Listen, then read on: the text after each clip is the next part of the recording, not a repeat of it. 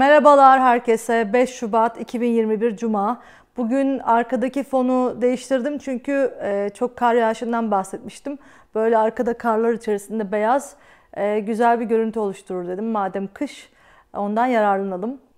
Türkiye gündemi her zamanki gibi insanın sinirini bozmaya devam ediyor. Sabah sabah zaten uyanınca ilk iş Twitter'a bakıyorum. Pek çoğunuz gibi herhalde. Ve oradaki e, haberlerle bir kere zaten sinirlerim alt üst oluyor. E, ister istemez biraz da mesleki hastalık. E, yani e, kurumsal olarak, profesyonel olarak gazetecilik yapamasam da sonuçta iç, içime işlemiş bir şey bu yıllardır haber takip etmek. Gazeteci olmadan önce de öyleydi. Hatta çocukken bile çok severdim. E, ama bu işin dezavantajlarından birisi e, sevmediğiniz, sizi sinir eden insanları da dinlemek zorunda olmanız. Bunlardan bir tanesi de malum şahıs. Ee, Erdoğan'ın sözlerinde sürekli maruz kalmak zorunda kalıyoruz. Yine kendisine yakışan bir şekilde e, önce Ayşe Buğra'ya, Osman Kavala'ya e, sataşmış. E, zaten adamı tutsak ediyorsun yıllardır hapiste haksız yere bir de üstüne karısıyla uğraşıyor Boğaziçi'nde hoca olduğu için. Ama daha skandal söz kendi ağzından çıkan bir itiraf. Kendi başında olduğu rejimin niteliğini çok güzel bir şekilde anlatmış. Çünkü demiş ki neredeyse yürekleri yetse e, Cumhurbaşkanı'nın istifasını isteyecekler. Ben de ister istemez bunu okuyunca ilk tepkim tövbe haşa oldu yani haşa. Yani ne, ne cüretle insan e, Cumhurbaşkanı'nın istifasını isteyebilir. Bütün bu ülkeyi kendisinin tebaası e, ve tapulu malı olarak gördüğü için e, bunun da yürek istediğini biliyor. Tek adam rejimi olduğunu kendisi teyit etmiş oluyor. Türkiye'nin geldiği noktayı göstermesi açısından gerçekten çok vahim. Tabii Erdoğan'ın bu sözleri haklı olarak tepki çekmiş. Sosyal medyada bir sürü insan konuşuyor. Bunlardan birisi de bildiğim kadarıyla CNN Türk'ün ve diğer televizyon kanallarının vazgeçilmez isimlerinden birisi var. Özgür Demirtaş. Sosyal medyada da bayağı bir takipçisi var. Muhalif gözükmeye çalışmadan muhalif olmaya çalışanlardan birisi. Ee, onun tweetini görünce de dayanamadım bir şey yazdım. Kendisi şöyle demiş tweetinde. Eşim, e, sevdiklerim, bebeğim olmasa. Yani sanki konuşanların e, hiçbirisinin ailesi yok, çoluğu çocuğu yok, e, sevdikleri yok, onların riske atacağı hiçbir şey yok. Bizim gibi insanları da zaten çocuk esirgeme kurumundan almışlar. E, biz de öyle yetişmişiz. Enayi gibi konuşmuşuz demek ki.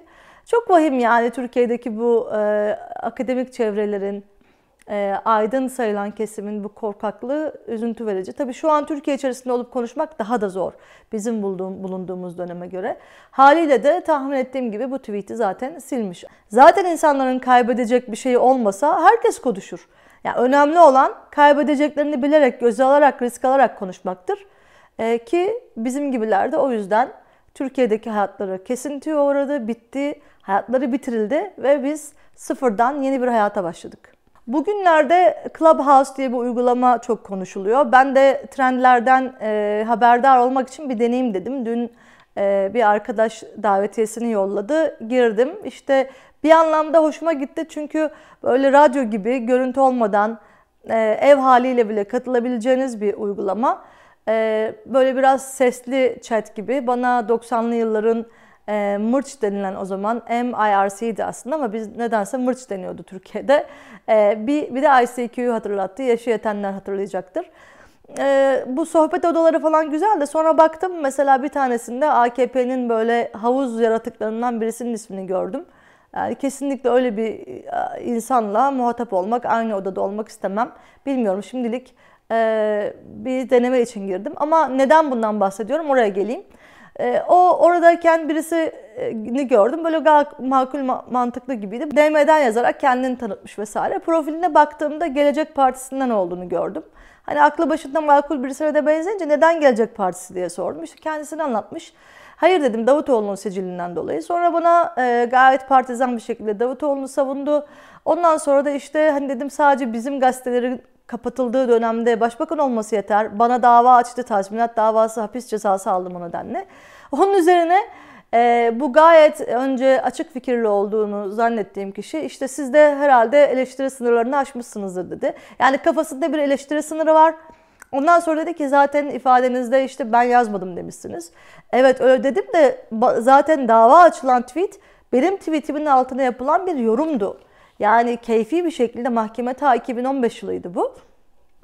e, Davutoğlu konusunda gayet ölçülü medya özgürlüğüyle ilgili e, tavrını eleştirdiğim bir tweetin altına birisi üstelik kimliği belirsiz birisi salak mı ah, ahmak mı onun gibi bir şey yazmış. Ondan dolayı bana ceza verildi.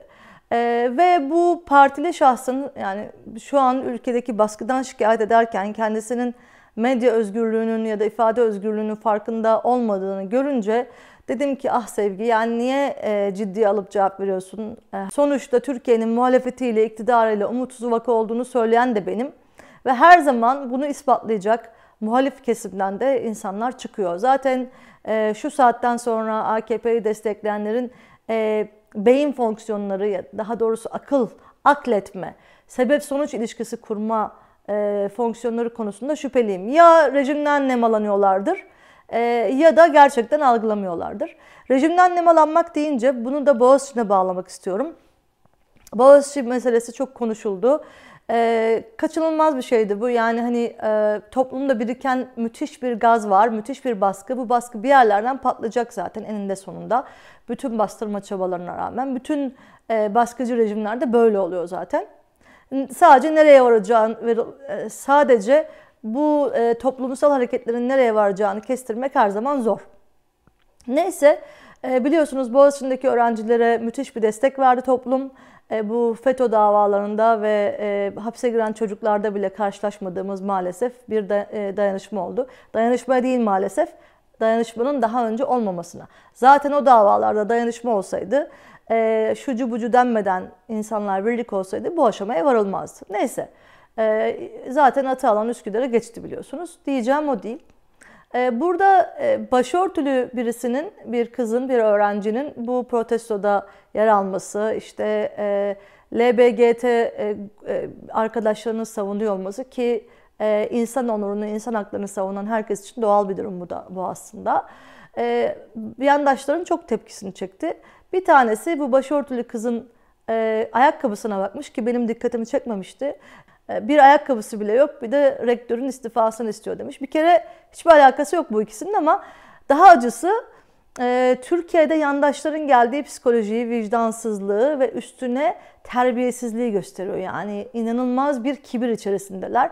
E, tamamen devletten, e, o ihalelerden haksız bir şekilde zenginleşen, gerçekten daha önce kendilerinin azgın azınlık diye eleştirdiği bir konuma yerleşti bu insanlar. İnanılmaz mide bulandırıcı. Sürekli mide bulandırıcı diyorum, tiksinç diyorum ama öyle hakikaten yani. Keşke öyle olmasa Türkiye'nin gündemi. Yine sosyal medyada e, kaçınılmaz olarak Erdoğan'ın Göbelzi konumundaki e, en az 4 maaşlı Boğaz'a nazır kelepir araziyi kapatmış olan Fahrettin Altun'u e, gördüm. İngilizce böyle bir propaganda videosu yapmış. Bir kere o propaganda videosu hiçbir işe yaramaz yurt dışında e, içerik dinler dinlemez zaten anlaşılıyor bir rejimin propagandası olduğu. Benim daha çok dikkatimi çeken İngilizce telaffuz etmeye, konuşmaya çalışırken böyle kendisini acayip kasmış ve komik duruma düşmüş. Ama önemli değil. Devir onların devri nasılsa. Çeşme akarken küplerini doldurma derdindeler. Zaten tek kutsallarının para olduğunu biliyoruz. O yüzden Boğaziçi Üniversitesi'nin bu e, kontrol altına alınmasının altında hani insanlar böyle İslamcıların fetih vesaire gibi ideolojisinden bahsediyor ama bence gerçekten çok daha basit bir motivasyon olabilir. E, o da para. Biliyorsunuz kupon arazileri e, kimseye bırakmayan bir e, rejimden bahsediyoruz, bir aileden bahsediyoruz. Dolayısıyla Boğaziçi gibi Boğaz'a nazır e, harika araziyi de boş bırakacak halleri yoktu. Özetle yine her zamanki gibi karamsar bir tablo çizdim ama tablo bu. Elimizdeki malzeme bu. E, vatandaş da bunun yavaş yavaş farkında. Sokak röportajlarında e, insanlar artık konuşuyor ve konuşurken şey diyorlar. Artık FETÖ'cü derlerse de desinler diye. Yani insanlar da aslında bu FETÖ'cü yaftasının rejimin baskı için en büyük aracı olduğunun farkında. Maalesef e, Türkiye'de bu FETÖ cinnetinin yaygınlaşmasında muhaliflerin, aydınların müthiş bir payı oldu. Olan kime oluyor? Olan 12 yaşındaki Hakan gibi çocukları oluyor. Ee, Çin'in Uygurlara yaptığından farksız neredeyse anne baba aynı anda e, çocuklarından koparılıyor. Anne baba tutukluluk eften püften gerekçelerle e, FETÖ'cü denilerek toplumda zaten sustuğu için ve bu çocuklar bu acıları kaldıramıyor. 12 yaşında lösemi olan Hakan'ın durumu da böyle. Ee, tavsiye ederim yüreğiniz kaldırabilirse Ömer Faruk Gergerlioğlu'nun Hakan'ın dedesiyle yaptığı yayını, anneannesi, pardon babaannesi ve dedesiyle yaptığı yayını izleyin. Yürek parçalayıcı bir devrin özeti. İleride sadece bu vakayı bile görünce insanlar eminim pişman olacaklar. Ee, belki ileride bu vakaların da filmleri çekilecek. Ee, ama iş işten geçmiş olacak. Pek çok masum insan yok yere inanılmaz acılar çekiyor, çektiriliyor. Elbette ilahi adalete inanıyorum ama gecikmiş adalet adalet değildir. O yüzden adaletin önce bu dünyada sağlanması ve talep edilmesi gerektiğini düşünüyorum. Onun için de insanların ailem var, bebeğim var, işte sevdiklerim var deyip susmaması gerekiyor. E bu aslında konuşanlara da bir anlamda hakaret. Sanki o insanlar dediğim gibi e, kimsesiz, ailesiz, sahipsiz gibi e, herkes bir şekilde risk alıp göze alıp konuşuyor. Zaten baştan daha çok insan konuşsaydı bu aşamada olmazdık. Artık biliyorsunuz e, kanaldaki videoları paylaşmak, e, beğenmek, e, bildirimleri açmak, abone olmak bu yayınların daha fazla insana ulaşmasına yardımcı oluyor. O yüzden paylaşırsanız memnun olurum. Görüşmek üzere.